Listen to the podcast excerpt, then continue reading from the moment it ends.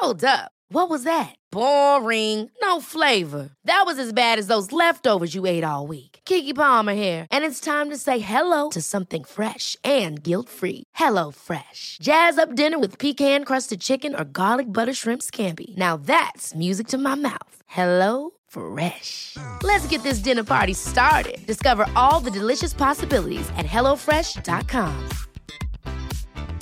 When you're ready to pop the question, the last thing you want to do is second guess the ring.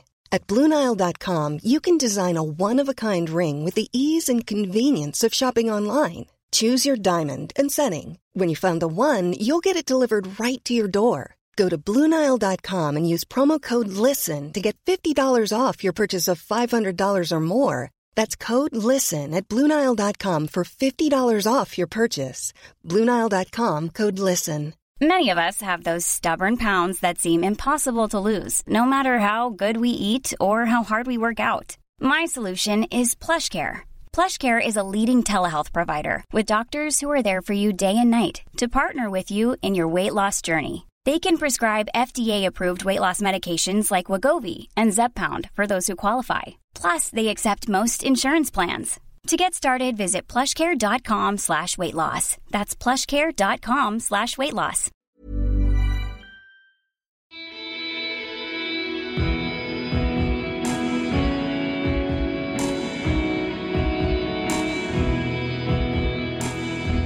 Velkommen tilbake til eh, Kaptare podkast. En regntung dag i Oslo.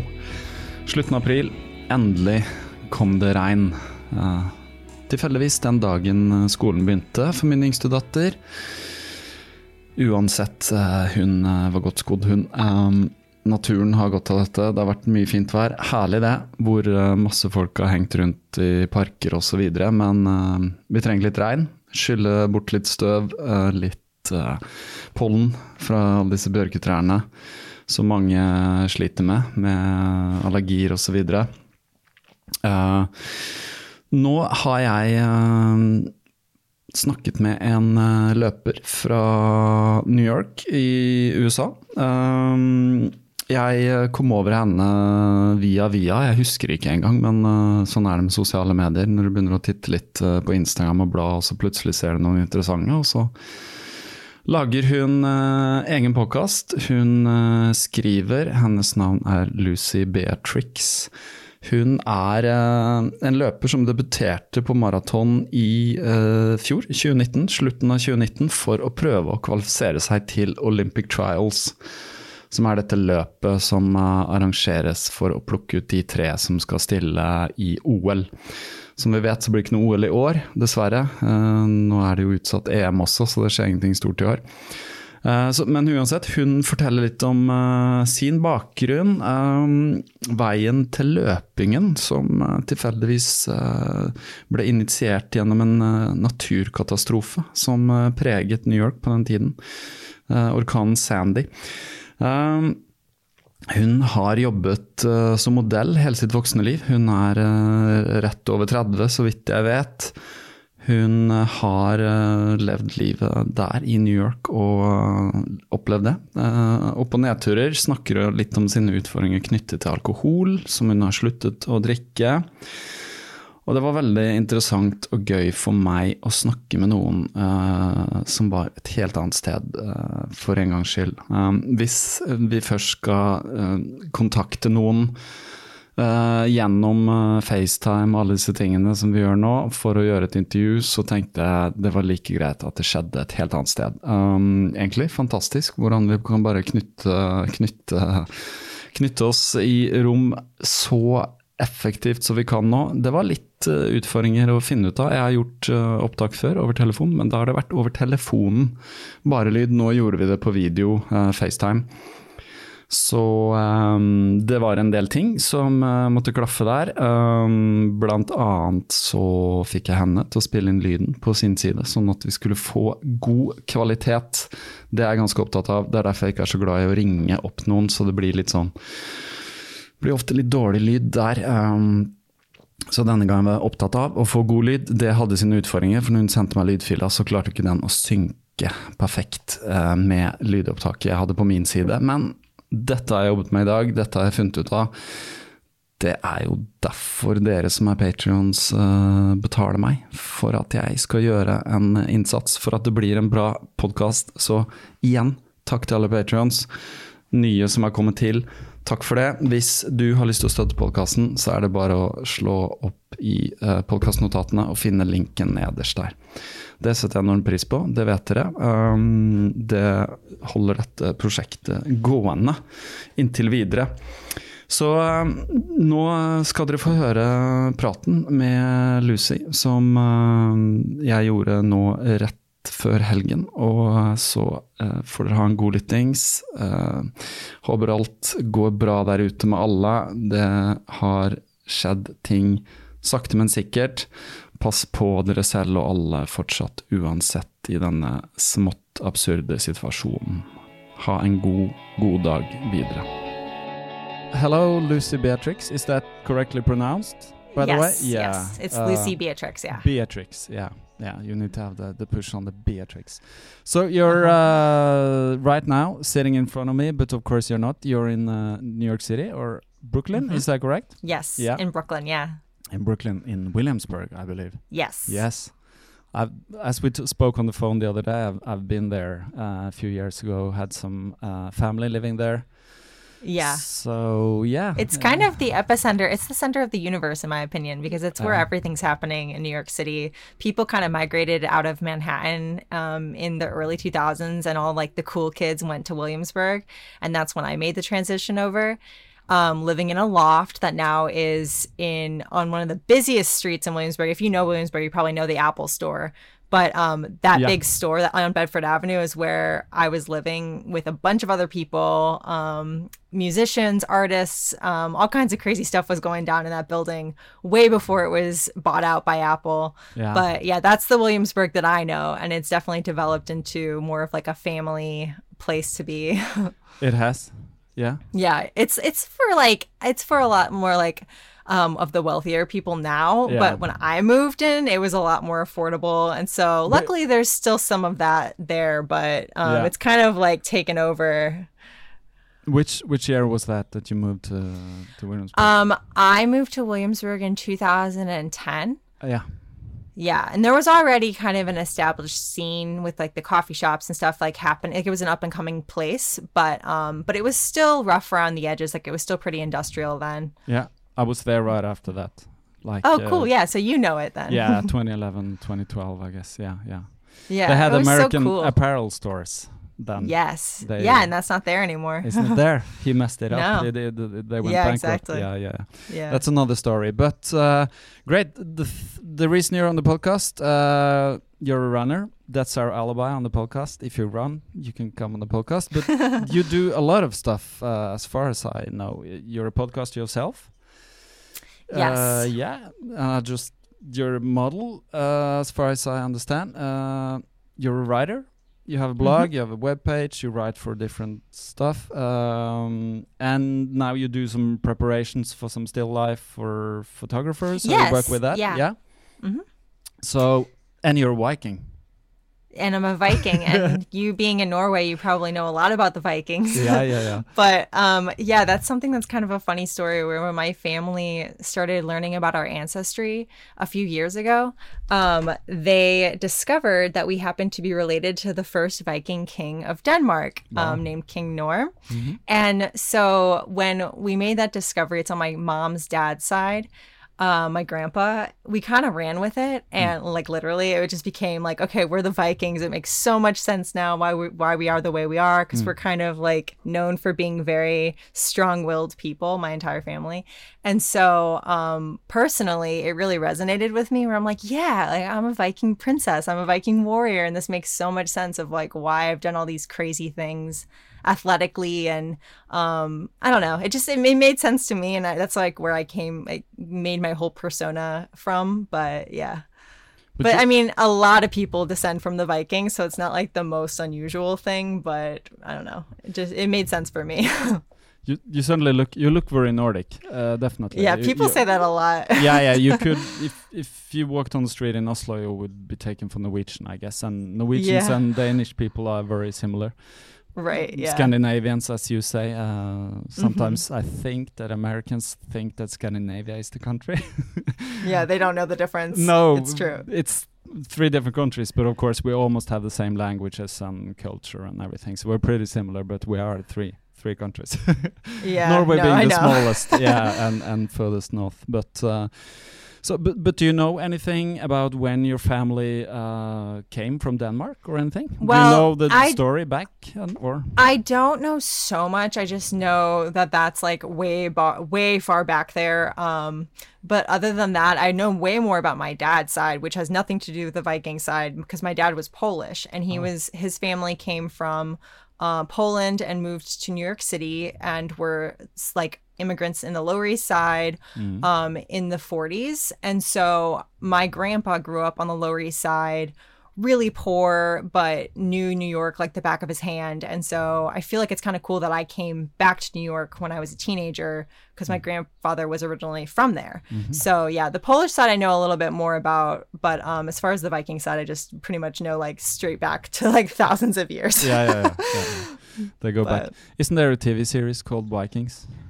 Um yeah, and I yeah. think they should do a real uh, a reality show, Yeah. the the real Vikings and then Yeah. follow people like like me. Yeah. There's not very many. There's not a lot of Viking culture left, I guess, in in Norway. It's like uh, Yeah. uh, yeah. I guess Norwegians are pretty uh, getting more and more like continental Europeans, uh, especially here in Yeah. Oslo. But uh, can't you tell us a little bit about your background? You said you're not from New York City originally. You you came from Right. another city. from St. Louis, Missouri. So Yeah. the the U.S. is really big, as you know, and Mm. it's there's a lot of different um, states, and so in the very center in Missouri, a lot of people don't know where Missouri is if they're from Europe, but How far south dab- is Missouri? Is It's actually right in the center, so it's Yeah. it's the dividing border between north and south, Uh-huh. and there's um, a road that goes straight through the center of Missouri that I basically grew up on. It's called it's like the Mason Dixon line, which divided the north and the south, and um, so it's it's smack dab in the middle of the country, and um, it's uh, the city that I'm from is called St. Louis, and I was born and raised there. Went to a boarding school where I happened to be a day student. My parent, my mom worked at the school, and um, so it was when I was in high school that I actually had this opportunity to move to New York City, and started coming here for work, and then ultimately made the move right when I graduated. And that's when I came to New York. So in 2007, when I was 18 years old. So you went to, went to high school? No, school. Um, yeah, I went to I finished high school, um, but I had started my career when I was a teenager, and um, when I was 16, that's when I started working outside of St. Louis, like in Chicago, and doing jobs around um, the Midwest. And ultimately, I went to Europe when I was still a teenager and started working overseas. And then that's what kind of led me down the path long and winding to move to New York City which was like the epicenter of where my career was which is as a fashion model. So basically the, in the modeling industry there's a lot of different markets all over the world and you basically work your way up to one of the bigger markets which in my case happened to be New York City given hmm. I was in the United States. Yeah. but yeah. How how did you get into modeling? Was that by chance? Um, or- so I was working in a gift shop, um, just a random little shop, uh, right by my my high school. And this lady came in and saw me and took a couple pictures of me and sent them to someone she knew. And after a couple of weeks, um, I was entering. There was this there was this couple that was really known for scouting and discovering models. They had discovered Ashton Kutcher and different faces that people knew. And um, they told me to enter their little modeling contest. And after they met me, and at that contest, um, that's where bigger agents at these bigger agencies in different cities saw me and then signed me and brought me to their agencies in their cities. But yeah, so that was all when I was 16 years old. That's pretty early. How was that? How, Yeah. how was that at the time? Was that like a big thing, or did, Um, did you? I, f- I think that emotionally, um, I think I was ready emotionally because I had already felt like there was more out there in the world. By that point in my life, I was like, I want to get out of St. Louis. Like I didn't feel like I belonged there, and so this just was the f- the fastest, easiest way to get out of the city that I was in. And I knew that my parents were relaxed enough that they would let me just go. And luckily they did. And looking back, I still can't believe I did some of the things I did going overseas to work and stuff when I was still in high school. Hmm. But yeah, my parents let me go and start working. And thanks to that, I could actually build up like a portfolio and be able to go to New York City when I did and hmm. get a head start. And so yeah, it's kind of strange to start so early, but at the same time, I feel like I was I was equipped. I just had to learn fast on my feet how to like how the world worked. But when you say overseas, do you mean Europe? You went to Europe? yeah, To do, in yeah. Greece, um, I went to Greece and I went to Italy, Mm-hmm. and just basically with no concept of what was what anything was going to be like Mm. i just jumped right in they put me in a model's apartment and had me start working as soon as i landed basically Yeah. and so yeah yeah. we're taken good care of? Was it was it like? Uh, um mm, it's or kind was of it a bit like a model, do the work, shut up? Uh, yeah, it was kind of like they expect you to just know what you're supposed to do, and Yeah. it is it is straightforward. Like the whole the whole- like what you're doing is you're just going on go sees or castings, and you're meeting people, and then they're gonna hire you for their shoots or whatever within a few days, and that made sense, but there it was just more like the logistics of getting around where you had to just figure out the subway in a brand new country in a place you in a language you don't know hmm. right off the bat. Hmm. But what I would do is just cling to people I was in the models apartments with and just follow them. And like I'd see, okay, we have the same castings, I'll just go with you. And even hmm. if I didn't speak the same language as this like Russian model in my room with me, I would be like, "Hey," and just follow her. And I'm sure I was really annoying, but that's the way I that's the only way I knew how to do it. yeah, only way to learn. So, but how how did you get into uh, to running? W- when Um, was the start of that? it's kind of crazy because I was never an athlete in high school or anything. Um, I did no sports, but um, because I actually couldn't be on a team because I was traveling for work, so there was no way I could commit to practice and games and all that kind of stuff. And I didn't really have a desire for it anyway, so like I just didn't feel like I was much of a, an athlete at all. But then when I moved to New York City, I happened to stumble upon this yoga studio that was handing out flyers outside of Whole Foods, this grocery store that I go to. And they were like, they're like, hey, come try a free class at this studio. And so from there, I started practicing uh, yoga every single day. I was just so dedicated because it was the first time that I was doing something with my body physically and feeling like, oh, okay, like I'm not like I'm not totally I'm I'm I'm able to keep up and do the, do this kind of exercise. It was the first time I really exercised in my life.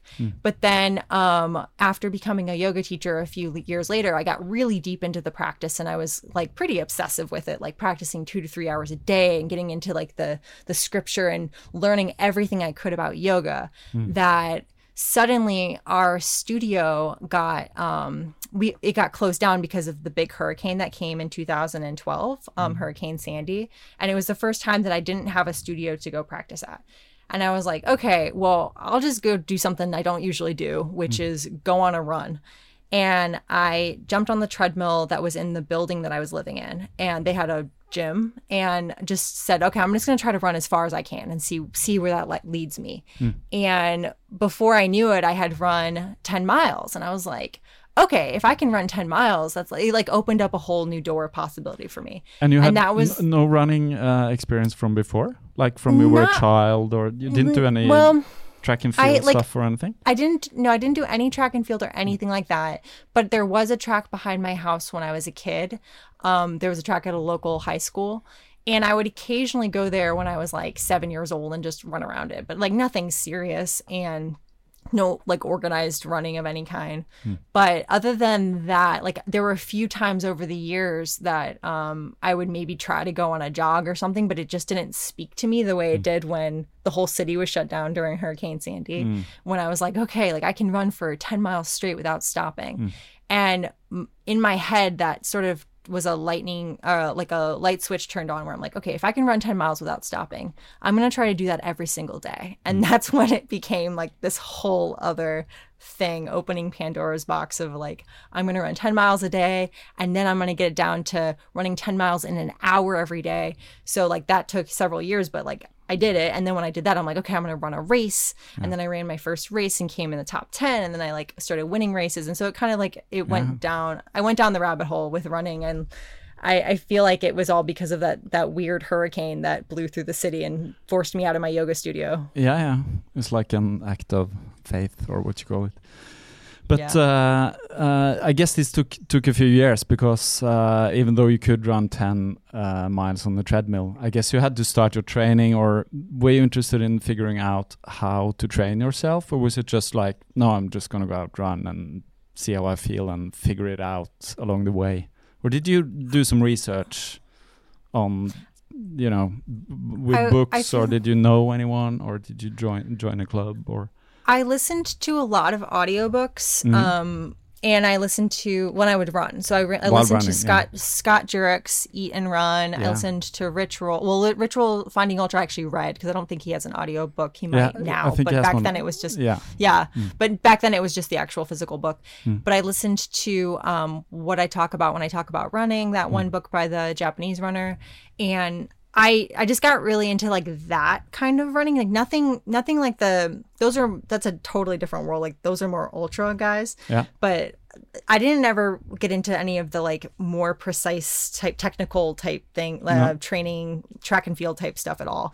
No, But I know there are a those, lot of those books are more about stories about how they become runners and how they Yeah. view it and everything. and I liked the mentality. Like if Yeah. there was something that initially um, really made me feel like, okay, I understand the mentality behind the ultra community, even though I was better at like not necessarily ultra, but like running ten miles is not anything close to ultra. But having that just run just go out there and run and don't care about times. Because i didn't wear a watch. I wasn't interested in any of that kind of stuff. And really just went by feel most of the time. And it was only until way down the line when i started running races that i started to see okay there is a whole community of people who actually do train and do organized track workouts and stuff. Yeah. and only started doing organized track workouts last year which was leading up to my first marathon last um last winter Yeah. but yeah So that took a couple of years. But before we get to that, because I know you've done a marathon, uh, at some point, I guess it got a little more serious. Uh, when did that happen? I know that you joined um, a project uh, with Nike called Yeah. Nike Moonshot. Yes But did it get serious a little bit before that? When did you Yeah. start to wear a watch and think about miles per per what do you say? Um, yeah, the the mileage. no, what do you, what do you call it? The pace, the mileage pace. Yeah, the pace. Yeah, the pace. Um, I would say in like 2014 or actually it was 2015 that was I think was the first time I cracked 10 miles in an hour, and I was just doing these insane runs where I was like I was on fire and I'd post about it on Facebook, but nobody like my friends nobody was really like knowing what the difference between a six minute mile and an eight minute mile was, mm. but. I it was finally when I had posted one of these runs that my sister had signed me up for um, New York Roadrunners rate like it's like the racing community here. Mm. She signed me up for a membership and was like, "You have to run a half marathon. If you can run ten miles, you can run thirteen miles in a race." Mm. And that was the first time that other people saw what I was capable of. And like that was the first that was the race that I came in eighth out of 7,500 runners. And so I was in the top 10 and I had no team affiliation or anything. And I had run a 123, which is like a 622 minute mile average on like the hilly Central Park course. And so that's when a coach from a local team um, who had run at Princeton, he came uh, he he introduced himself to me and was like, "Hey, I'm a coach, and I really think you could you could really do some damage if you put your if you actually trained for something." So, and he, that was the first time somebody. meaning that you could do some some good, do some damage. Yeah, mean- meaning yeah, do some, do some some good really- damage. Yeah, some exactly. Yeah, yeah, yeah. yeah, slang. Um, but so yeah, he he was the person who introduced me to the running community and teams and um kind of took me under his wing and started showing me different workouts and stuff like oh you hmm. can go to the track and do this and that. But hmm. in the first year of knowing him i was really resistant and was like i don't want to do this stuff. Like I, I hated the idea of going to the track to do a workout because i just didn't hmm. like that it was so different from the way i had been running. And actually we butt heads quite a bit where he would send me a workout and ask me if I did it and I would lie and be like, yeah, it was great. But then he would want to know what the times were. And I was like, oh, I didn't wear my watch. And so like he knew I wasn't actually doing stuff. Yeah, but yeah. But now wh- it's, why it's- did you want to do these things? Were they like I don't know. awkward to I- just put, you know, suddenly have a formula or a um, yeah, and I didn't like the idea. things? Yeah. I just didn't like the idea of stopping during a workout. Like I thought, oh, all this time, my whole thing was like, once I start, I don't stop. I run the entire way through. Hmm. Um, even now, I still get funny about stopping. Like I'll try to do like a, a jog or something. When it says rest, I try to like keep moving somehow. I think that's good um, though. I think that's good. Yeah. Yeah. yeah. And like, and people do that. But Yeah. I think in the beginning, when he would assign these workouts of like 10 by 400 meters with 90 seconds rest, I was like, Mm. I don't want to do 90 seconds rest. If I'm going to start, I'm going to keep going. And then I would burn out too quickly. And Mm. Yeah. so I didn't understand the, the, the track workout stuff at all in the Mm. beginning. But it was only until I was doing it with other people and training with a team and having Nike Mm. Moonshot and like understanding it from the inside out that I Mm. could get behind it. Mm-hmm. But yeah. So, uh, so when when did the Nike Moonshot thing happen? That was like last year or something, wasn't it? exactly a year Yeah. ago was when I applied. Uh, it was Yeah. almost exactly. I think it was a little bit. Um, I think it was like last May. Hmm. Um, I applied to be part of Project Moonshot and uh, got in, and then Because that this, the- it's it's a limited amount of uh, Yeah. Mm-hmm. runners that can enter. And, and how how do you did you come over that, or how did you figure it out? So there was a there's a runner named Allie Kieffer who's Hmm. pretty famous. She's a women's runner who had run a 227 marathon on the New York course, which is unreal because it's just such a hard course. Oh. Yeah. And she had this was in I think she ran that in 2017. It might have been 2018, but I think it was 2017. But anyway, so she ran this crazy race and nobody really knew who she was. Like she was a good runner and she'd mm. run some races, but like that was really what took her to the next level. Mm-hmm. And when people asked her what what's your secret, how did you get here? She said she'd been training with Nike Project Moonshot. Mm. And so that's how I had heard about the program. And when I saw they were taking applications, um, I just jumped right in and said, I really want to do this. And I had just won a half marathon in New Hampshire. It was really like a really insane course. Um, it was a few days before I applied. So I was like, hey, I just won this weight race. And I really think I have a chance at doing really well in the marathon based on my half marathon. And um, yeah, and I got accepted. And it was like, it, that really just changed everything with my pers- perspective of running. And and that's a project that uh, goes towards uh, the marathon distance, or are there like Yes. different? Yeah, so that's Yeah. for runners who want to achieve a marathon. Yeah, Yeah, it's like it's basically the premise is that you go for your moonshot goal, like your Yeah. out there goal that has Yeah. to do with the marathon. And I my goal was to qualify for the Olympic trials. And so I was like that's my that's my out there goal. And that was what I was working on that entire time I was training with them. yeah.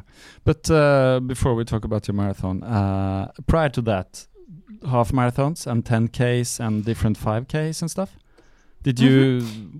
Did you uh, like plan them, or did you just jump in when you felt like it, or did you put specific training into anything, or how how did you pick your races?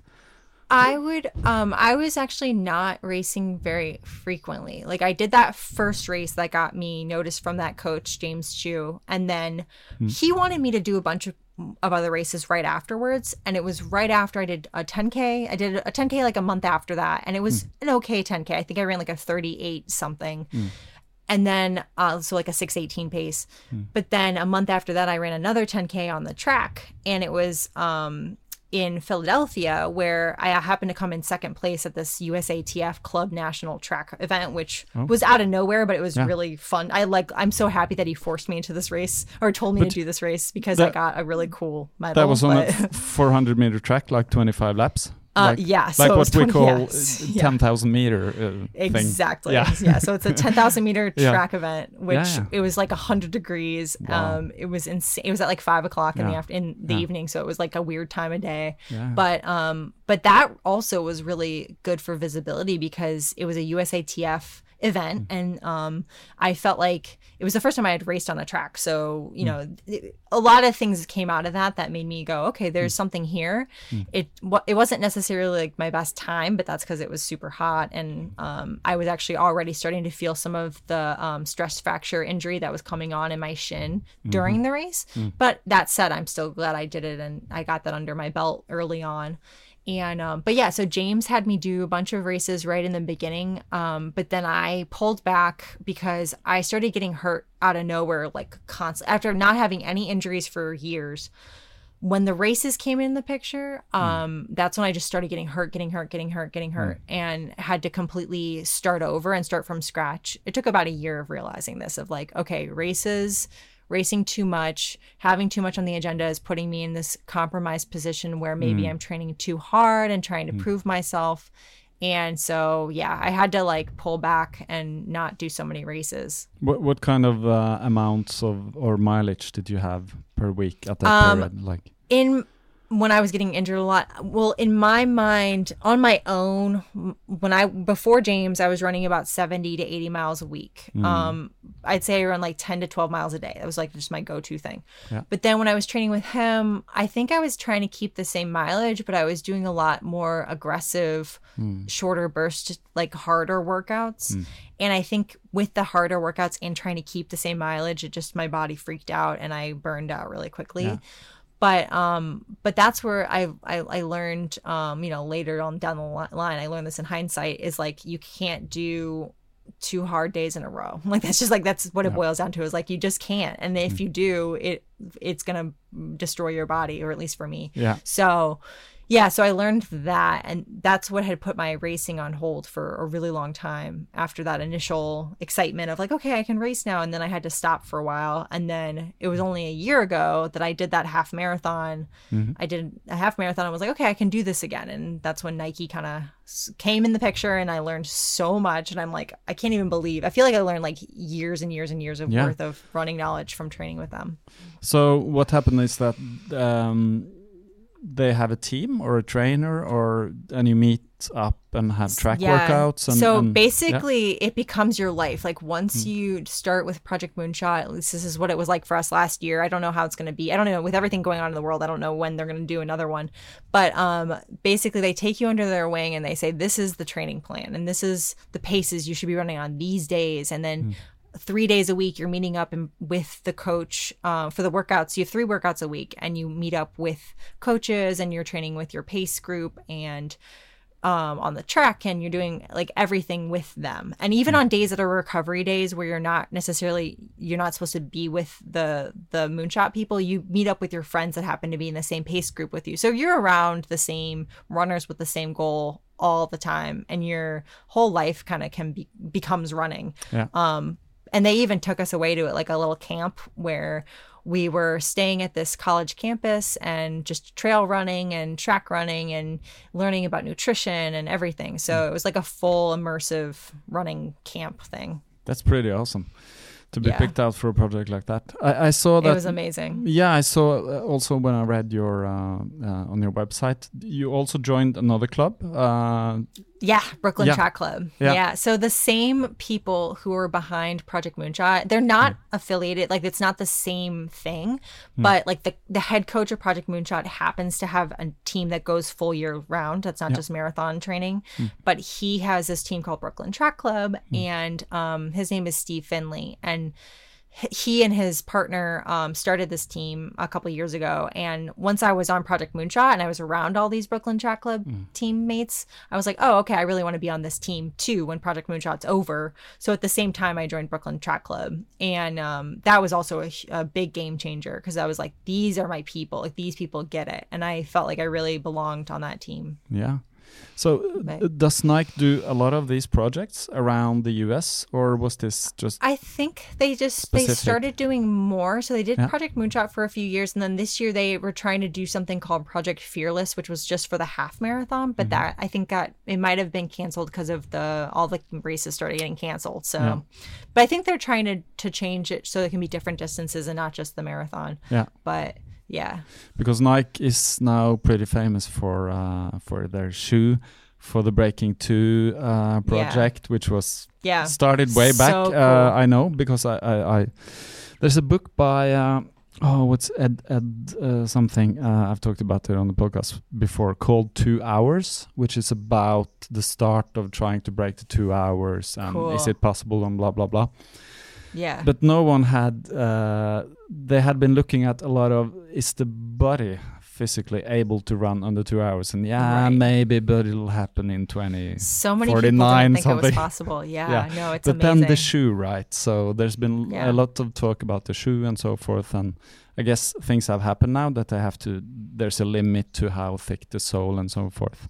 But I Mhm. guess, of Yeah. course, you uh, run in Nike shoes because Well, you're yeah, I- I sponsored by them, and yeah, are you still under their wing, or is it the project ended Um, now? Or So when you're training with Project Moonshot, you're it's not like you're technically sponsored or anything. Like you don't No. have to wear Nike stuff, but you like because they're showing you like it's like I just wore Nike because I was like, okay, well, like it just made sense to, but it's not a requirement or anything. But um I felt like um, I wanted to train in the Nike shoes and I wanted to wear the, the next percents for my marathon and um, had great, uh, they were great for me. Some people, they don't work for them. So it just so happened that because I, my trainers are the Pegasus Turbo shoes and I just happen to fit, like they, they fit my feet well that I'm like, I like these shoes anyway. Um, but then training with them also, it, it, like it kind of, it, they went together. It wasn't like I was forced to wear them or anything, but I wanted to wear them. but I I would presume that when you're in this project, they they give you a pair of shoes or a couple of pair of shoes. Um, no, They actually, No? so they had done that in the past. Yeah. Um, they had done that in the f- previous Project Moonshots, but they didn't do it uh this past year. Um, I'm not exactly sure why, but I think. Uh, I think maybe so, like a, like there was a very handful, select few who did get some, but Hmm. um, but no. I mean, we had other perks like discounts and stuff that like Yeah. m- made it so that we could get Nike stuff for like a deal. But yeah, Yeah. it they weren't given they didn't give us a pair of shoes. They I mean, they should. They should. They probably They can should, afford. yeah. it. they probably can afford it. Yeah. I would call them up and say, "Hey, Nike, can you Hey, Hey. yeah. provide me with a couple of shoes?" Yeah, but anyway, uh, so um, then you had a marathon that you had uh, um, settled on at the time when you started the project Yeah. Moonshot. There was Yeah. a specific marathon you want to run. Which one was that? Um, the California International Marathon, which was the latest marathon on the 2019 race schedule.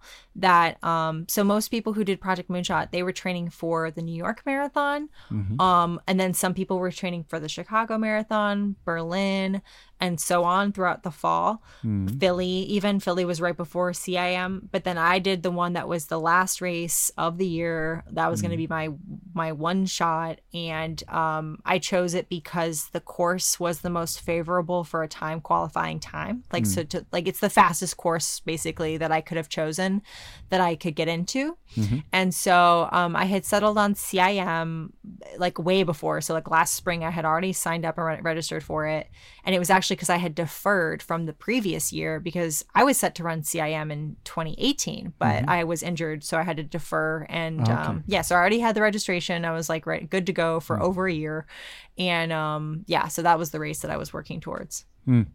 Um, I've only heard of it because of uh, I followed you on Instagram and I saw that race, but it's not that big of a marathon, is it? Or ho- how many it's starters? getting bigger i don't Yeah. know how many there were a lot this year because everyone was trying to qualify for the olympic trials and it's Ah. kind of like the course for that for the time for Mm. getting your time um and that said i thought it was going to be a really flat course uh, and it wasn't at all it was Hmm. It extremely hilly Oh. yeah it was really really hilly and it was unexpectedly like i was expecting it to be a lot more mild but it was there was a lot of up and down Yeah. and But had i don't know how- i would H- h- I how- would definitely do it again though. Yeah, yeah. But how how come? Uh, but it's a fast uh, um, course, even though it's hilly, or is it famous It is for being fast a fast because- course? Yeah. I think it's a fast course because it's a net downhill, but that doesn't mean that it's necessarily downhill. It's like No. it's maybe a little bit more downhills than Yeah. uphills, but like the uphills were significant, and Uh-huh. you would re- like re- like at the halfway point, at like the thirteen point one mile Yeah. point, th- the uphill was crazy, and I was Yeah. like, okay, Yeah, this yeah. is not a downhill course. So, so it's one, one long uh, run like this. It's it's not a loop. It's No, not a loop. not a loop. No, no, No. Because th- th- that much I know that you need a loop for it to be a world record. Uh, you know, oh, um, interesting. yeah, that's why. Or or am I bullshitting now? Yeah, I think so.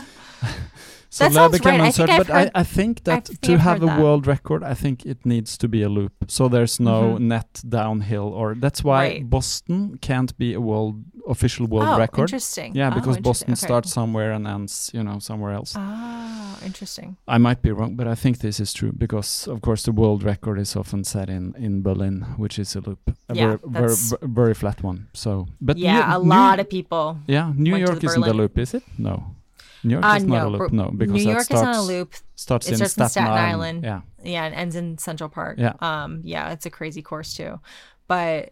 Yeah, Yeah, I've I'm- heard. I was Yeah, I was yeah. I'm supposed to do New York this year if things don't get canceled. People are talking about that happening, but that's I mean that's my goal for this year. So Ok- hopefully I get to experience that. yeah. Oc- October is it or October? It's No. in November. November, Like yeah, the November. 2nd or something. Yeah.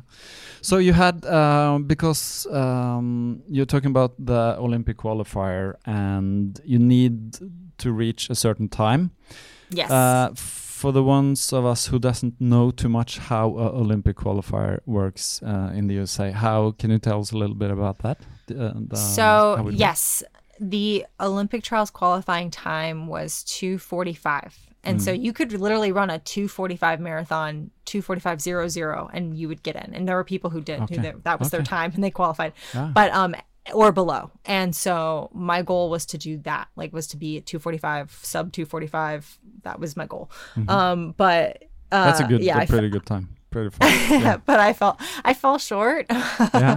I wasn't a 245 marathoner, but at the same time, um, for my first marathon and Yeah. giving it what I had, I think I did pretty well. yeah, But yeah. But but tell me more how it works. Um, oh, so you Yeah. you run that time on a sanctioned course, on a like a qualifying course, and um, yeah, once once you run it, you're you're a qualified uh, Olympic trials marathoner, Mm-hmm. and then those people who qualified went to Atlanta Mm-hmm. in last a couple weeks ago. It was actually like a month and a half ago was Mm. the Olympic trials where um, all of those athletes then go to Atlanta and they run the Olympic trials and the top three Mm. become the Olympian like the Team USA marathoners. okay, okay, yeah. So yeah, so that was my goal was to get to the Olympic trials. I know a, a bunch of girls who did, and it was crazy how many New York like there were a lot of people from New York City, um, from our running community who made it, including the co-founder of my team, Brooklyn Track Club. She was one of the many Olympic trial qualifiers. So I was looking up to her a lot, Yeah, yeah. like a lot, a lot of the time because I was like, she's just like my hero. So I was like, okay, I want to do what she did, but Yeah. yeah. So she made she made it to the Olympic trials and ran it, and um, yeah, How, how many get to start? How many men and women? Do you know? Um, that? It was a lot. It was so many. I don't know exactly how many, but it was definitely in the hundreds. Yeah. Like qu- quite quite a lot of people. Do you know the time for men? What that was? Um, for men, it's sub two twenty. So 220, yeah. Um, yeah, or actually, either sub two twenty or two nineteen. I think. Mm. I think it's sub 220. I don't know though for sure. Hmm. It might be 219. But um but there's a runner that I follow named Sage Canaday and he's Hmm. qualified many times. He's he's also a plant-based runner. He's an but ultra he- runner also. yeah, isn't yeah, he? yeah, He does ultra, which is Yeah, so yeah. crazy that he Yeah. does both. But um, he he was trying to qualify and he didn't. He missed it by like a few seconds or something. But he's done it multiple Olympics in the past where he'd qualified for the trials. Hmm. But yeah, But but tell us about. Uh, we're getting to the race. You're gonna tell us about the race, but tell us a little bit. Um, how did you specifically train? You know, uh, you don't need to go into very much details, but they had a plan, the Nike Moonshot. You followed that, Yes. or they tweaked it for you and changed it, or they had a plan laid out um, for the marathoners of like this is what week by week looks like.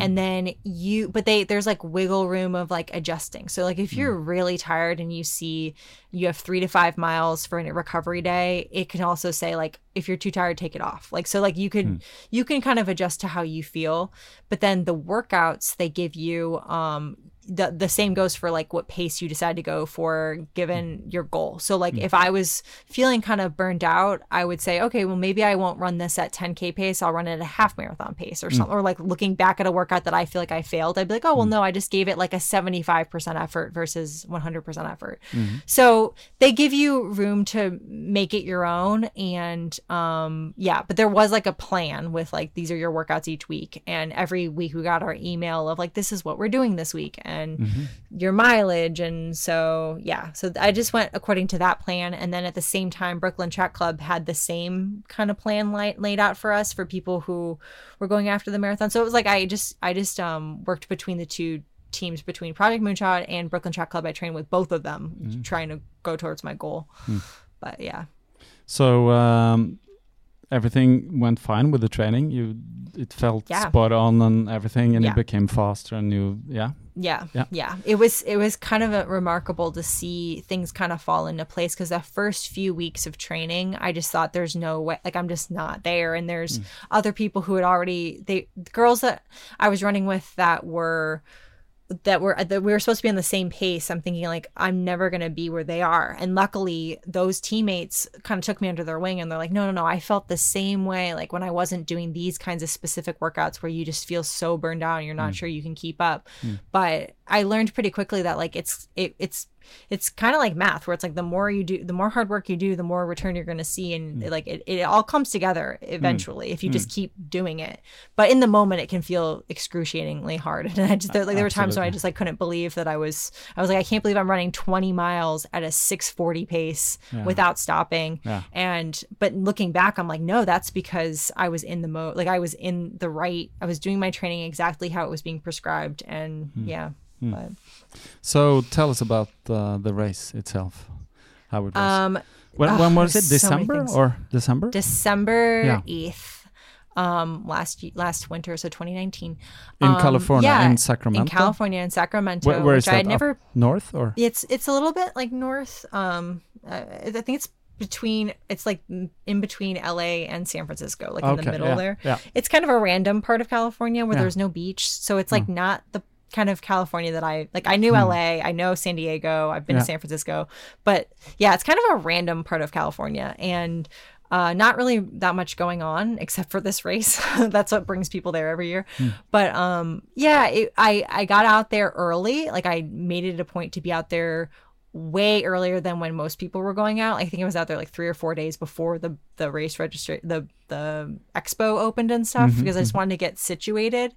But I don't know. I did a lot of things wrong that week. I can like looking back, I'm like I really st- I think I saw my downfall coming. Um, which is sad to say, but I I did a lot of things that maybe like spent my energy too much. I wasn't sleeping very well because I was so nervous about the race, and um, yeah, I don't know. It wasn't it wasn't the best How, how did you s- stay in Sacramento? That I guess that Um, has- I stayed in a really amazing hotel. My mom came out. Um, she she was like, "Let's make this like a thing. Yeah, Like let's let's make this a vacation because we never take vacations or anything together, especially."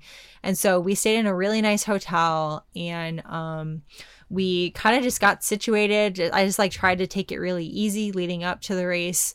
Um, we went to the grocery store a few times and just like stocked up on food but I I don't know. I think because it was something I was going after something so out there. Um it was I I try to enjoy it, but I think I don't know. I think I got inside my own head a little too much and freaked out. like very many first marathoners, I guess. exactly. Yeah. And I, I I'm I just feel like I maybe spent a little too much energy the day hmm. before freaking out and I hmm. could have saved that because I was like I was like what if what are people going to say if I fail and like now I look back and I'm like I should have just enjoyed it but yeah. I don't know.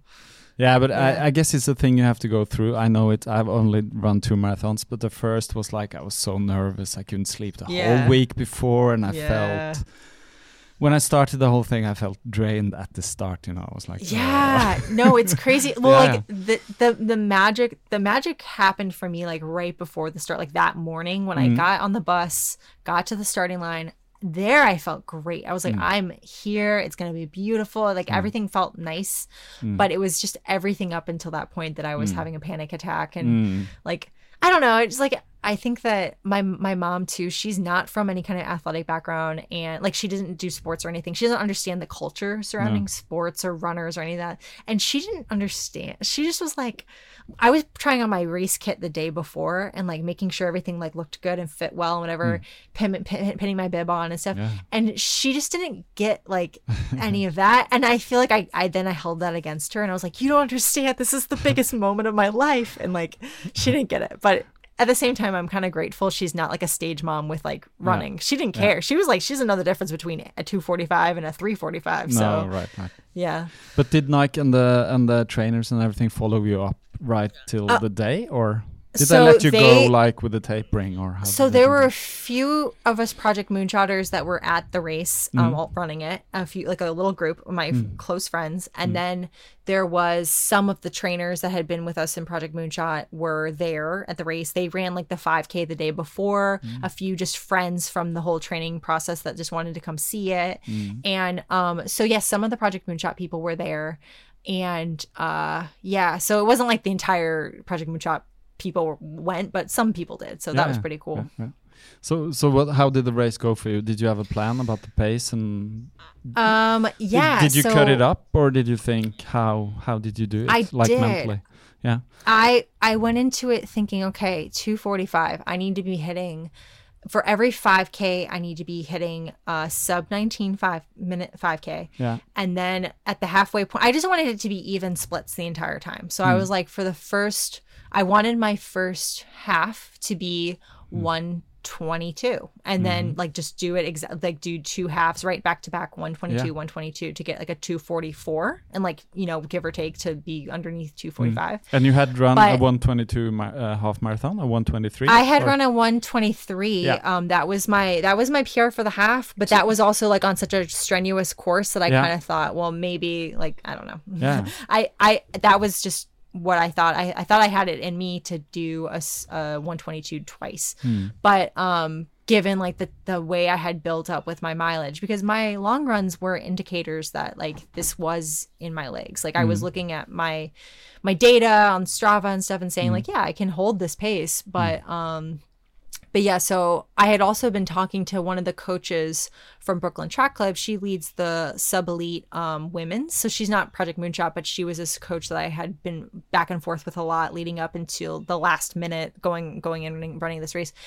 And she was the first person who said to me, like, she didn't she she believed in me, but she also said, you know, don't sell yourself short if you want to have a different goal, like hmm. two, like hmm. alongside my moonshot goal, have like another goal. It would be to break three, which hmm. is also a big thing in the running, you know, marathon. And You obviously yeah. know, like Yeah. marathoners want to break three all the time. So like she was like, those are two really great goals. And so she's like, get out there and run the race of your life. And if you find yourself slipping away from 245, make it you know sub three. And so that was something i kept in mind for the last bit because i could have easily just stopped and been like okay i'm not going to get this olympic trials qualifier so what's the point? But instead i just was like no no no i'm going to finish strong and break three and have that under my belt. But I'm so when glad did I did. when did you notice then that you weren't gonna uh, Ah, hit the 245? I knew it was slipping away um, halfway through Yeah, the race. So like the first half was great, and I was exactly on pace with the Pacers, gonna do this. Hmm. And I saw, I saw the pe- like there were pe- there were people even talking. I feel like there were a lot of really um, with the marathon. It's so long that you have like a lot of time to kill in the beginning, where you're just Oh, yeah. getting through the first couple miles, and there's a lot of extra energy because people are trying to save their energy and it's like you know run, not run too fast too soon. And I heard some chatter amongst um, some of the runners in this 245 pace group saying like, "Oh, okay, like yeah, we just got to keep it easy, and you know this is gonna be great." And I thought, yeah, we're gonna do this, hmm. but it was at the halfway mark that I started to slip away and like started to see these pacers kind of hmm. get a little further and further. And I'm like, hmm. why are they? I just thought like there was maybe a chance I was going to be able to catch up with them, but then it just, I don't know, it just got like weird and I couldn't move my legs fast enough. And I, I had missed the water stations. And so everything was like, it was becoming like messy and i thought no no no this isn't how it's supposed to go and no but it just you know had to finish some way somehow But you, th- that's a pretty good point. You missed some water stations because that's Yeah. my experience from my first marathon. Just missing too much water, missing. Yeah. Uh, I didn't bring gels. I was just an amateur. On the second one, now I had learned my lesson, and I was like water and gels every 5k. You know, exactly just i keep need it, to do that keep yeah it coming. But you missed a few of those, or in I the missed beginning. the water, and um, that really caught up with me right away. And I kind of I wrote about that a little bit on my blog, where I was like, that was my Mm. Downfall. Is but it was because it was too crowded. Like I didn't know which side to be on, and like I couldn't get over, and Mm. so there was it, that was the first problem. And then like taking in gel with no water, your mouth gets all like Oh, yeah, yeah. dry, and Gooey so and yeah. But I think I did Mm. pretty well with the with the nutrition, like the gels during the race. It was just the water that don't, didn't do. I didn't do well. Mm. Yeah. how, how, how was the temperature uh, while you were running? It was perfect. Yeah. I would say I don't know what it would be in Celsius, but it was like the perfect crisp, right amount of crisp Yeah. air, but not too cold and not Yeah. too hot. I, I had arm warmers on that I took off during Yeah. the race, but it like it was just the right. It, the conditions were ideal, and that's Yeah, where yeah. I'm like, oh man, I had everything like the stars aligned, but Mm. yeah. Yeah. but there's so many, you know, and I saw that you wrote also um, on your blog that uh, you talked, you understood that it was a mind game also because Yeah, it, it's all the yeah, it's all the thing. How how did you feel? But you said that you were readjusting. That was a good thing, I would say, that you Yeah. were readjusting. That you weren't just oh no, I'm not going to make it. So I'm, I Right. don't want to run. But you had a new goal, and then you thought I'm going to go for that. So we're able Yeah. to keep a pretty good pace. Yeah, and I would like look at my watch and say, okay, like the last four miles, I was like, listen, if I can just do seven thirty pace, which I knew like I could hold on. I was Yeah. like, if I can just do that was like at that point that was kind of like my recovery pace for some of these workout runs. So I was like, if I can just hold on at that pace Yeah. for the rest of this thing, I can mm-hmm. be sub three. Yeah. And so that's that was when I was like I had a little bit more faith in myself that I could do mm. something, and I'm glad I pushed it at the end. Mm. Um, because 255 ends up being like a time that qualifies you for other big races so it like puts you in the sub elite corrals for these other big races so i felt felt like at least i could get that Yeah. but You yeah can, so now you can get into like the New York Marathon with that time. Yeah, right? yeah. yeah. exactly so Yeah. like that that time gave me open doors for qualifying for these other races now Yeah.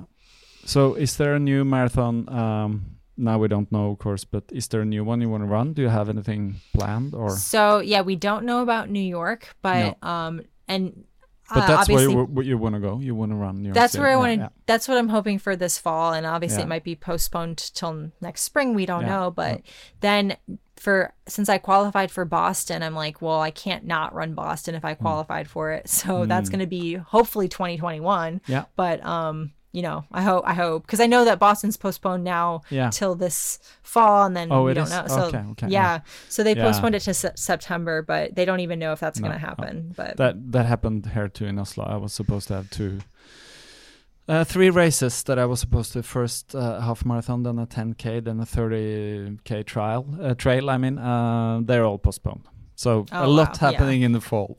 ugh, yeah, so yeah, many yeah. races. Yeah, I'm gonna do a marathon, two marathons in the fall actually. One, Oh, one, wow. one like a trail one, and one. Uh, yeah. So I don't know how it's gonna be, but we'll we'll just have to keep on running, I guess. Yeah. But uh, but great, 255 is enormous for a first marathon, I would say. Thank and you. and, and uh, most people only get better. Uh, I, I'm hoping that's yeah, what like yeah. I feel like with the right conditions and knowing what I know now, Yeah. um, But the of course, sky's the limit really. yeah, yeah. But of course, it is the training. It's the a, a lot is done during those months uh, prior. Yeah. So it seemed like you ha- had a very good uh, training period.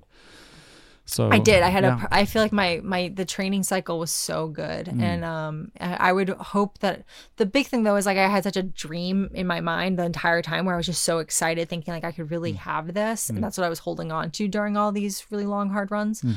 So for the next one, now that I have a little bit more experience under my belt, I think I could go into it even stronger and think like, wow, like who knows, I could even go faster than what I thought I could Yeah. ever do. So. Yeah. No, I, I believe so. But uh, at the same time, you've done all this running, um, all this training, everything uh, over the years. You have been working full time uh, Yeah. as a model Yes. with uh, because I, I looked into a few of your articles and it seemed like there's some very long uh, days sometimes, some very hard work. Yeah. Uh, and sometimes you get called in and asked, "Can you go tomorrow to blah blah Mhm. that city and get up in the morning?" How, how did all this work for you? Um, so that stuff, so like obviously, so my modeling career was really strong for about a decade. So like from 2007 till 2017, that was my full time main job, like getting random calls flying all over the world at any given moment.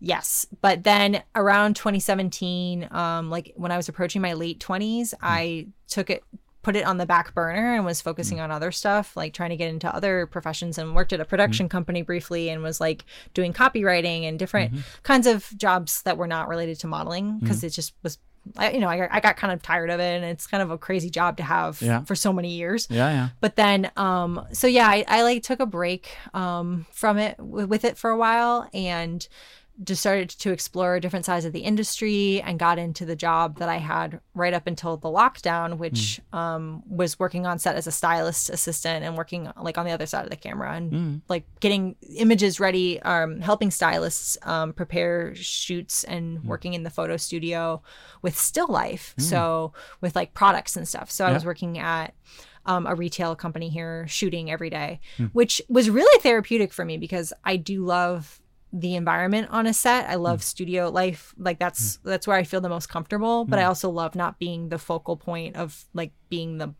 thing being shot. So yeah, yeah, yeah. so yeah. But I guess you have a professional approach to all the being shot by photographers. Yeah. Yeah.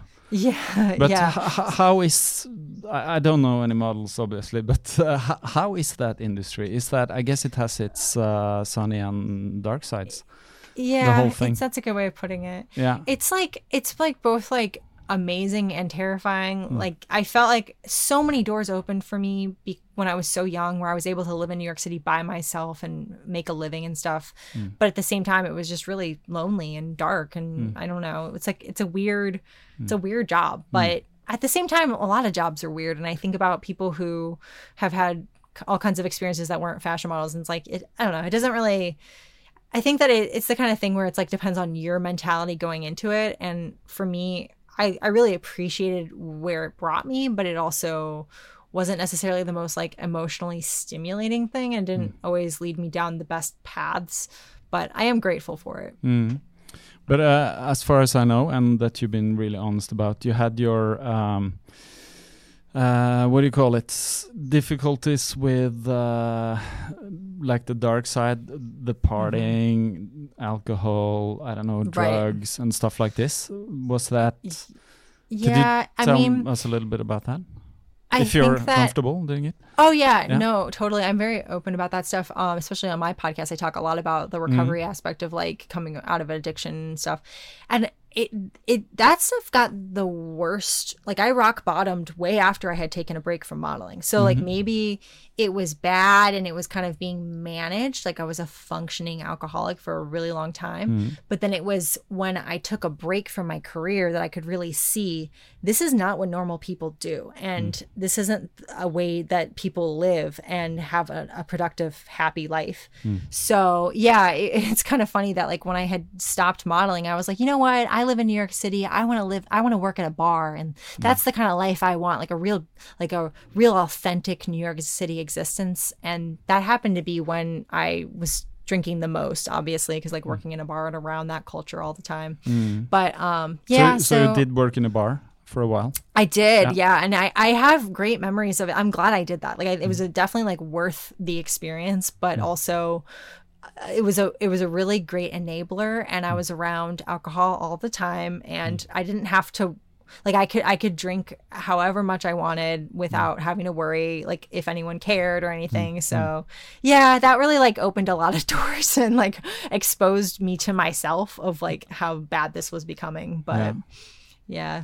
But it's pretty wild to think that you were doing this stuff and doing all the training. And so you did yeah. a lot of running and training and hard training while being yeah. uh, hungover and an alcoholic. Yeah. yeah. No, but, uh, some of my, it's, it's terror. It's, it's so weird, but I've also seen it repeat. I've seen other people do this and I've mm. seen mm. athletes that I would never tell them that they're an alcoholic or anything, mm. but I've seen it happen where I'm like, wow, they went out mm. and drank so much, but then they are able to wake up and run 22 miles. Mm. And that cycle it's it seems to work, but then I feel like one day you wake up and it doesn't work. Because mm. for me, I was doing that where I would drink, you know, a couple bottles of wine and wake up and go running off and it was fine. But mm. then mm. one day it just didn't work because I was injured. And then suddenly mm. I'm like, well, how am I gonna undo all of the mm. the alcohol I drank last night? Mm. But yeah, so yeah. it's like it's not it's not a sustainable way to train.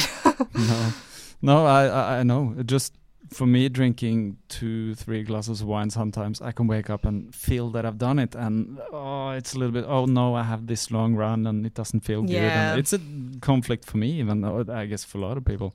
But I know yeah. that also a lot of runners just don't drink anything for long periods of time if they want to be yeah. really serious with the running.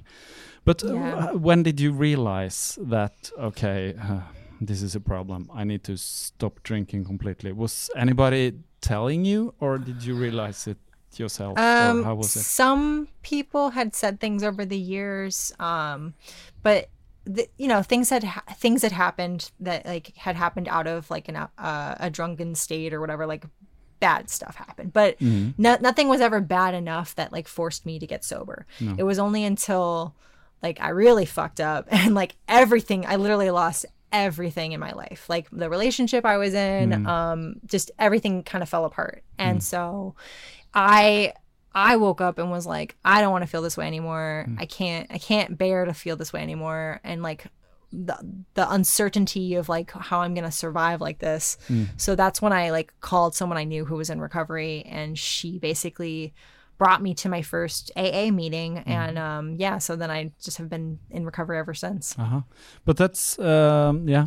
Some some people really have to go away and do the um, recovery at, at the clinic and stuff like that. Yeah, but yeah. You, you didn't I do that. No. No, I didn't have to do that. Um, I I didn't do that. I just focused on just going to meetings every day and staying connected. And like. Yeah. luckily with the community, like you just like stay, you stay connected with people. And yeah, Hmm. it's just like that was like my the way I could do it.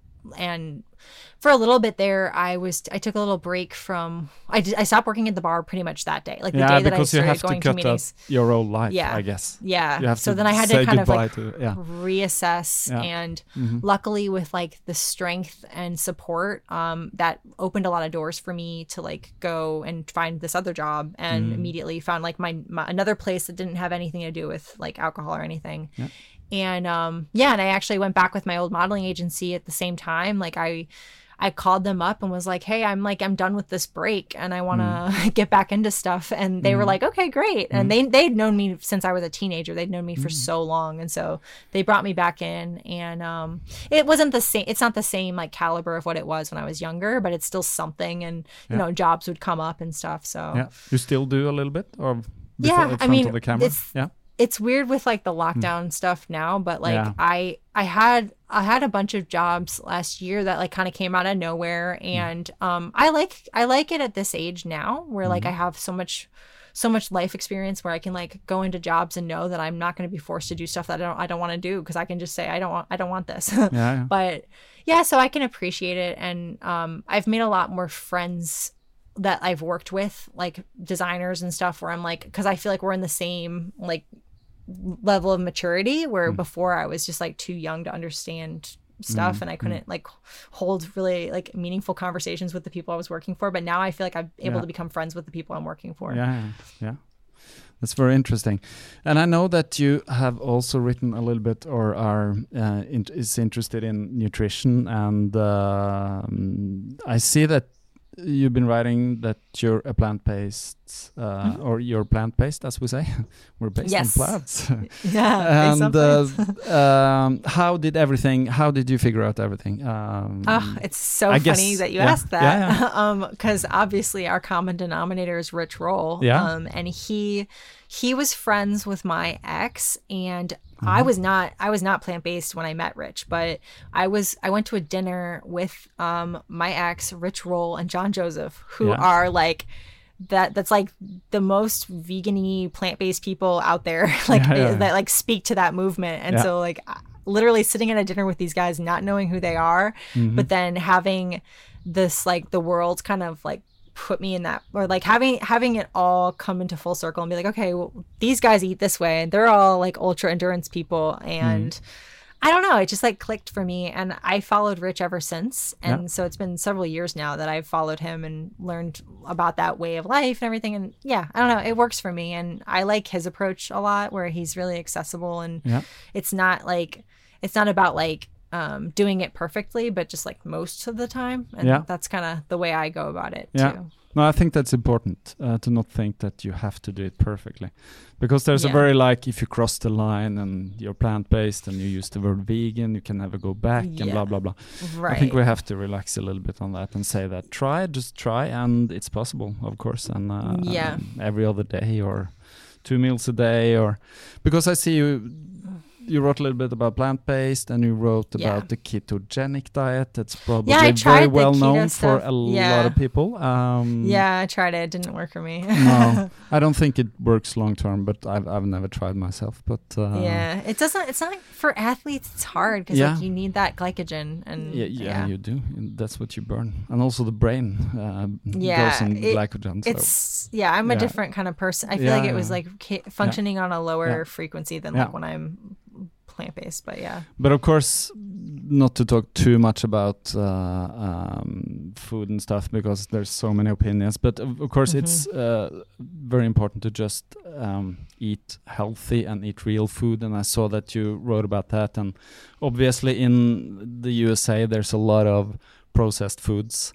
yeah, And uh, for me and you listened a lot to uh, Rich Roll, and he talks a lot about food. And uh, Yeah. Sid Garza Hillman that I mentioned, he's also a nutritionist, so he knows a lot. Um, it's a little bit like that in Norway too, as well. Now, I guess we're a lot Yeah. like the states, most of Europe. So I guess eating real food is really important.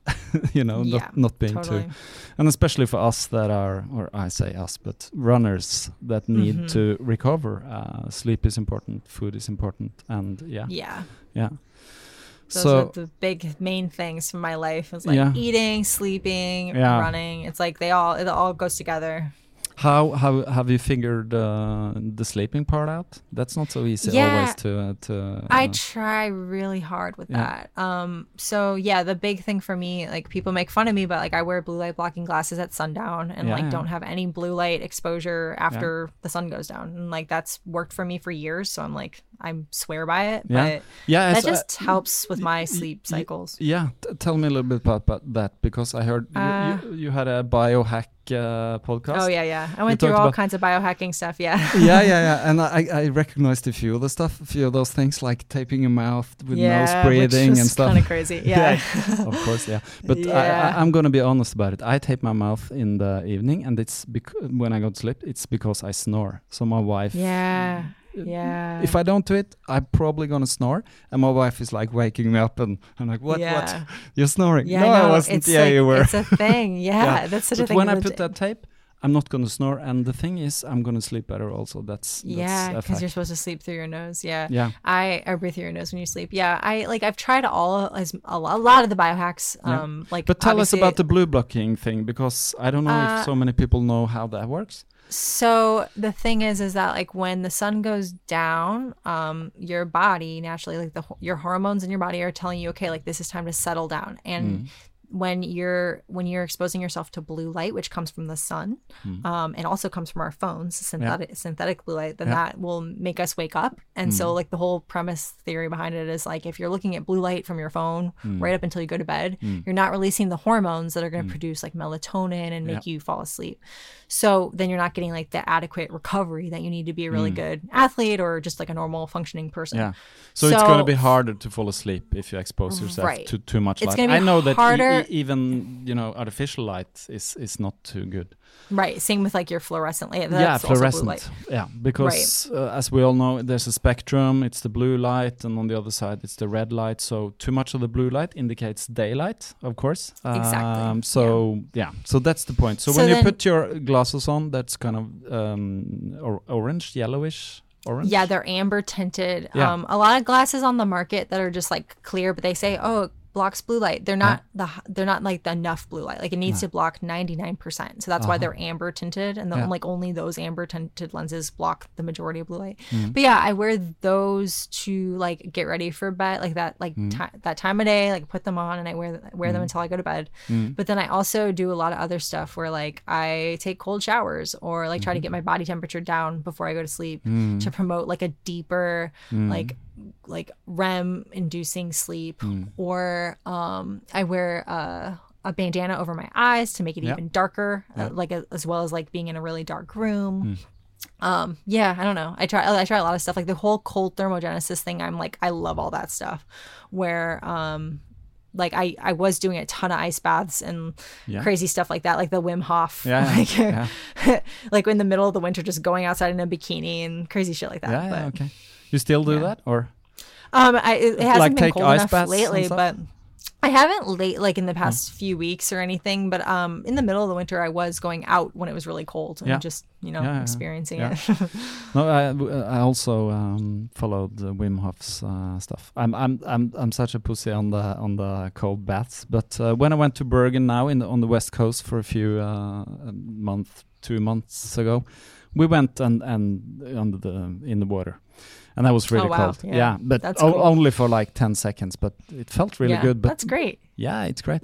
But what I think is when I turn on the shower, that's the tough part. You know, the cold. Really? Yeah, oh, yeah. I think that's. Uh, but I need, you need I to train almost- on it like. I almost do it every single day. Like You I do? try to Yeah. like go Yeah. cold for like at least the end of it. Um but yeah, I've been doing that for so long that I feel like it's like it comes second nature to me now. But yeah.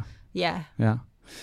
But uh, just before we, we end this, I don't know how long have we talked. We're going over an hour, but anyway, um, as you can see, it's dark outside here now. It's only Oh, wow. artificial light. but uh, we don't want to talk too much about this lockdown, and and because we're so sick and tired of Yeah. this thing. But boring, how has yeah. it been to live in New York these last Uh, two months? Or yeah, really crazy um i don't know like i i feel like for me i the thing i miss is just working like i just Yeah. really want to be in the studio and i can and like that's Mm. just it's unnerving for me because it feels like i'm just kind of like stagnant Mm. but so i just been getting a lot of- that energy out by going and running and focusing on these stupid virtual challenges like the Mm. marathon i la- ran last week and I was like okay i want to go run a marathon on the track today and yeah, so tell tell us about just- that because that was Yeah. just a spontaneous thing. Yeah, I just like woke up and was I saw these. There's like a, ch- a big challenge, a global running challenge thing where like this guy puts on um, from the Orchard Street Runners, and Yeah. he is notorious for putting on these crazy races. Hmm. And so he said, you get to choose amongst all these distances from like a mile to 100 miles. Mm-hmm. Uh, go run this and have your watch like track it don't stop your watch like have the data there and then if you can prove that you ran that then you get to be part of like competing in like this challenge. And mm-hmm. so i wore I, I i decided like i woke up and was like i'm gonna just go try to do a marathon today. And then i did on the track. And he said that that that post got a lot more traffic than usual on his uh, Instagram because it's kind of weird. People don't usually run marathons on the track, so I think that no. like it was a weird thing. But No, I don't know. you- that was just the I way was- to pass the day that day. yeah, I, I can actually in the in the show notes I can link to your podcast episode that you talk about that because it's pretty interesting. Just going down there with half a bottle of seltzer water yeah, yeah, I didn't and even no water. Yeah, and, and no just a little bit of water. no gels, no nutrition, no nothing. No. no. Nothing. You yeah, just but like obviously the the time was like nothing great, but it was like to do a 325 just knowing okay I Yeah. can whip this out of nowhere Yeah, yeah, um yeah. that just like was a good indicator to me that there's more in the tank and Yeah, yeah. um yeah But- I don't know I, I love that like minimal approach too Yeah, but there with the, the importance of being able to burn fat, you know, because that's what you do when you run uh, a Yep. marathon. fasted yep Yeah, when you do that Yeah. pace, the body just burns fat, and and that's Yeah, of course yeah. that's a part of the training we do as marathoners. When we go on the long slow runs, it's just to to teach the body to use more than the glycogen, which is limited, Yeah. right? Yeah, yeah. hmm But how how was it mentally to just go 105 laps, 105.5 Yeah. or something? Yeah. 105.5 i Yeah. i just uh tuned out and thought about all kinds of stuff well because i'm Yeah. like i have a lot like a lot of chatter in my head about like what's going on in the world and it's like Yeah. really unsettling but Yeah. that was just like the way to not have to think about all that stuff and do something kind of fun and different and I don't know. It like I I'm pretty good at like just zoning out and tuning into like running. I, I can do that forever. So Hmm. that wasn't really the challenging part. It was more of just me wondering like, am I gonna pass out? Like, is this is this gonna be dangerous if I don't Hmm. Yeah. have fuel? Like if I do a fasted marathon Yeah. and just you know don't have fuel on me, but nothing bad happens. No. uh, what, what's going to happen is you're just going to bonk and you're going to go really slowly. That's uh, Yeah, That's what happened at my first marathon. At 30k, I was like just like bonk, and Yeah. I just run, walk, run, walk, run, walk, run, walk until I Yeah. was uh, past the. Done. yeah, that was horrible, but yeah, that's also a lesson, you know. But uh, m- must be strange though. Is it? Is it? How, how is the sensation out on the street in New York now? Is it like Um, how- it's how- both how is it? people who take it really seriously and people Yeah. who don't, who act Yeah. like nothing's going on, which Yeah. is the weird thing. Like there are Mm. people who are really like abiding by all the social distancing rules and like Mm. wearing masks and stuff, but it's it's weird when you see the people who don't care and Mm. are just like I don't know, making it a point to like feed Mm. on the fear. Like there was a woman, um, when I was running, there was a woman with like no face cover. Like you're supposed to always have like a mask on or whatever. And I have my bandana on my face. Yeah, yeah. But I saw her from across the street and she was just like making a scene and like pretending to cough on people. And I was like, this is kind of rude and scary. And Yeah. I don't know. So I feel like it's it's mixed, but um the sounds of like the, the ambulance every time you hear an ambulance it's very ominous versus Yeah. like you always hear ambulances in new york but like now it's like because you know okay they're Yeah, gonna probably yeah. go get someone and it's scarier and so yeah. But isn't it It's strange when there's so few people out? I guess there's fewer people out than normal. Yeah, there are fewer people out. Um, and in a weird way, like having the park, like I run a lot in one of the parks in Brooklyn, mm. Prospect Park, mm. and it's been emptier, mm. which is great. Um, so it's kind of nice to just be away. It doesn't feel like New York City because it's like you're not you're not seeing as many people, and Mm. so. Yeah, but the grocery store situation is the craziest part because Oh, there's yeah. lines that stand outside the, you know, with six feet markers of like having Yeah. people waiting and waiting to get into Yeah. grocery stores. But Yeah. yeah, Is that what you do? You have to go to grocery store, or could you order stuff home and have it delivered? You can, and- you can Yeah. order, Yeah. um, but usually it's like a wait. Like the waits are kind of weird with that Yeah. stuff. Um, Here's it. I feel like sometimes it's like a day or two or something. But Oh, yeah. yeah, Yeah. I've just like I- I'll go um Hmm. and stand in line, but yeah, it's not ideal in general. Like everything No. is just like a little bit more of a pain, but just hoping that it like we get through it. yeah, yeah. Uh, it's gonna get better at some point. We just hope sooner than Yeah. later. Yeah. So uh, I guess we've been through most of the things that I wrote down. Uh, I know there's a lot more to you. You have an Instagram account.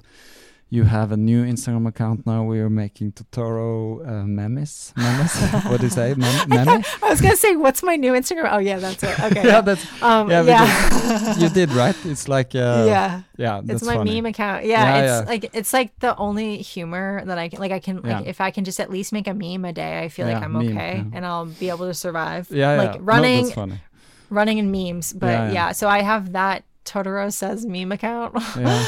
um, but then yeah, my I'll main. Instagram my main Instagram is at Lucie the Viking, L U C I E the Viking, Yeah. and um, yeah, I just post my running stuff there usually, or like weird stories. I, I get kind of strange on the story. Like I tell people to just like mute my stories because I get yeah. a little nuts. But Yeah. yeah, But I think it's great because there's a sense of humor there. Uh, lo- some Instagrammers are really serious all the time, but I think it's funny that you can it, with stories you can do different stuff because they're they're gonna go away. So some strange Yeah. dance or some strange pose or something. a lot of that. Yeah. yeah, yeah. I'm gonna link to it. Uh, so what? So the time with you is four o'clock. What do you do rest of the day now? You gonna do anything? Um, so today I'm probably gonna get trying to rally and actually I do need to go grocery shopping because I'm out Yeah. of food like bananas and stuff like that, like basics and tofu and whatever. Yeah. So I think I'm gonna try to rally and go to the grocery store um and make that be the like the big event. Mm-hmm. but yeah, no, I already did my run and it uh, felt great. I I feel like it's just gonna every day is just kind of like just get through it and Yeah. like Yeah, don't is. have too many expectations and you Yeah. know But, but- luckily, you li- you live with a few friends, so you have some company Yeah. around you. And Yeah, and like it's been really fun, like you know, catching up on Netflix shows and Yeah. just being lazy and stuff. Yeah. But- I understand. But it it is all right at some point uh, or in a period to be a little bit lazy, eat some extra ice cream or chocolate. Right. Uh, that exactly. I know you like. That's so, what yeah. I've been doing. Yeah. yeah. But uh, anything else you want to say that we should uh, um. Put out? No, I mean, my I feel like the only thing I'd say is like, yeah, my podcast is like all about my running adventures and my recovery adventures and Yeah. just like funny stories of things that have happened in Yeah. my life. But um, that's the that's like my main outlet Yeah. of like my diary. but How? yeah, how, my podcast and my Instagram. Yeah.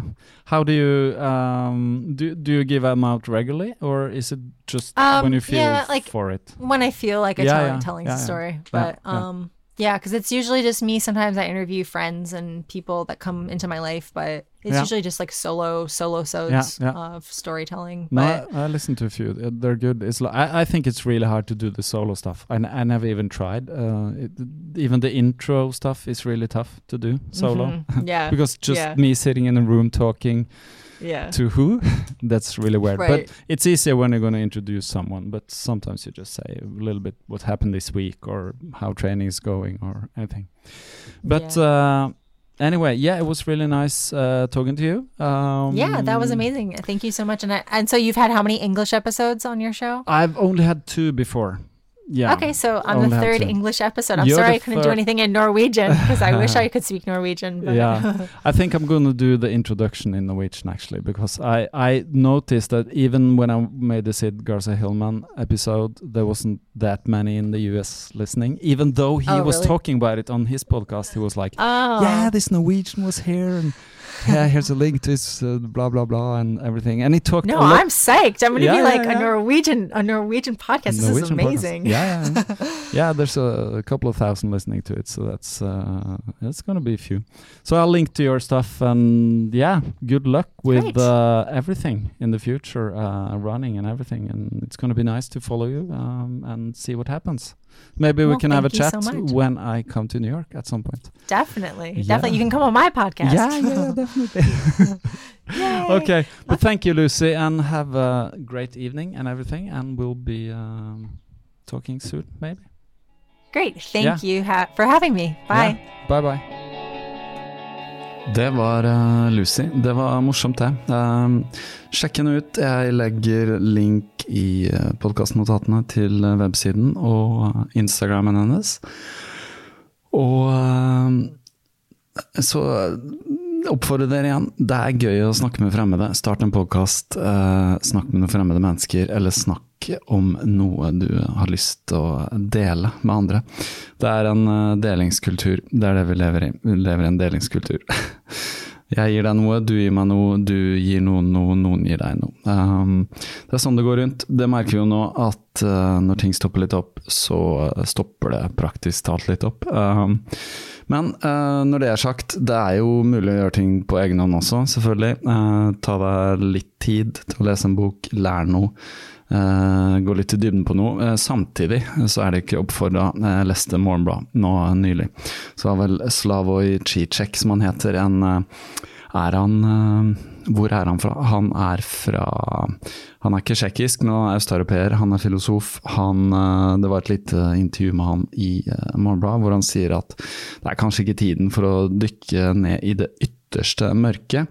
Så ja, kan stille meg bak den. Um, det er eh, en tid for alt, så eh, jeg oppfordrer jeg til å sjekke ut ting som eh, ikke er så enkelt å forstå, som filosofi og den menneskelige tilstand og sånne ting, men du trenger ikke å prøve å lese alt av Nietzsche akkurat nå. eh, Det, det har ikke jeg gjort heller, også, men eh, jeg leser et par ting som er ganske heavy eh, noen ganger, bare for å undre meg litt over verdens tilstand og menneskets tilstand, ikke minst. Men samtidig så liker jeg også å bare se et eller annet eh, underholdende på TV, Netflix, eh, en film, et eller annet sånt, eh, uten at jeg ser alt uten, eh, uten noe kritisk sans, altså. Uh, ser ikke så mye på ting. Men én ting jeg har drevet med i disse ukene, er å bakt eh, mye surdeigsbrød. Det har vært eh, kult, fordi jeg har vært egentlig selvforsynt på brød. Eh, jeg har prøvd ut en del nye ting. eh, prøvd å ekspandere litt. Eh, kanskje når alt, eh, alt eh, treffer veggen, så kan man eh, starte et bakeri. Eh, men vi får se. Eh, uansett, uh, kan anbefale surdeig. Hvis du blir Patrion nivå to, så får du en surdeigstarter av meg. Får litt intro til å lage surdeigsbrød. Det er veldig moro. Du slipper jo å, å gå og kjøpe gjær, da. Eh, Du kjører på villgjær. Og det er det som smaker godt. Eh, Du kan jo heve ting over lang tid. Kan bl.a. blande en bakesats, holdt jeg på å si. Eh, Elte en deig, sette den over natten, putte den i, eh, i form om morgenen og steke brød. Uh, Ferskbrød til frokost. Det er dødsdigg. Men nå kommer denne podkasten til å slutte. Og så kommer jeg til å ta dere enda lenger over USA-kontinentet neste uke. Jeg har en avtale med en i California. Han heter Sid Garza Hillman. Han har jeg snakket med på podkasten før.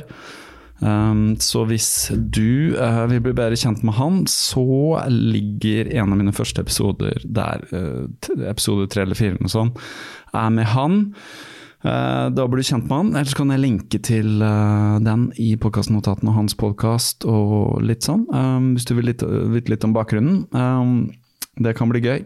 Så inntil videre Kjør på, løp. Trenger ikke å stresse for tiden med løpingen. Bare hold det gående inntil vi kan sette en dato for når vi skal gjøre noe morsomt sammen igjen. Det gleder jeg meg til.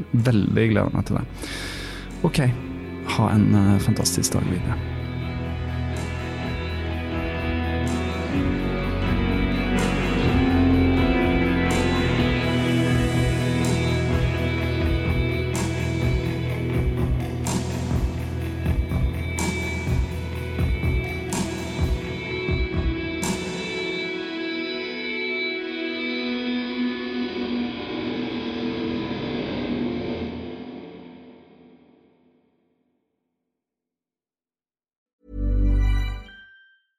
Ever catch yourself eating the same flavorless dinner three days in a row? Dreaming of something better? Well, HelloFresh is your guilt-free dream come true, baby. It's me, Keke Palmer. Let's wake up those taste buds with hot, juicy pecan-crusted chicken or garlic butter shrimp scampi. Mm. Hello Fresh. Stop dreaming of all the delicious possibilities and dig in at HelloFresh.com. Let's get this dinner party started. Hey, it's Paige DeSorbo from Giggly Squad. High quality fashion without the price tag. Say hello to Quince. I'm snagging high-end essentials like cozy cashmere sweaters, sleek leather jackets, fine jewelry, and so much more. With Quince being 50 to 80% less than similar brands. And they partner with factories that prioritize safe, ethical, and responsible manufacturing. I love that. Luxury quality within reach. Go to quince.com slash style to get free shipping and 365 day returns on your next order. Quince.com slash style.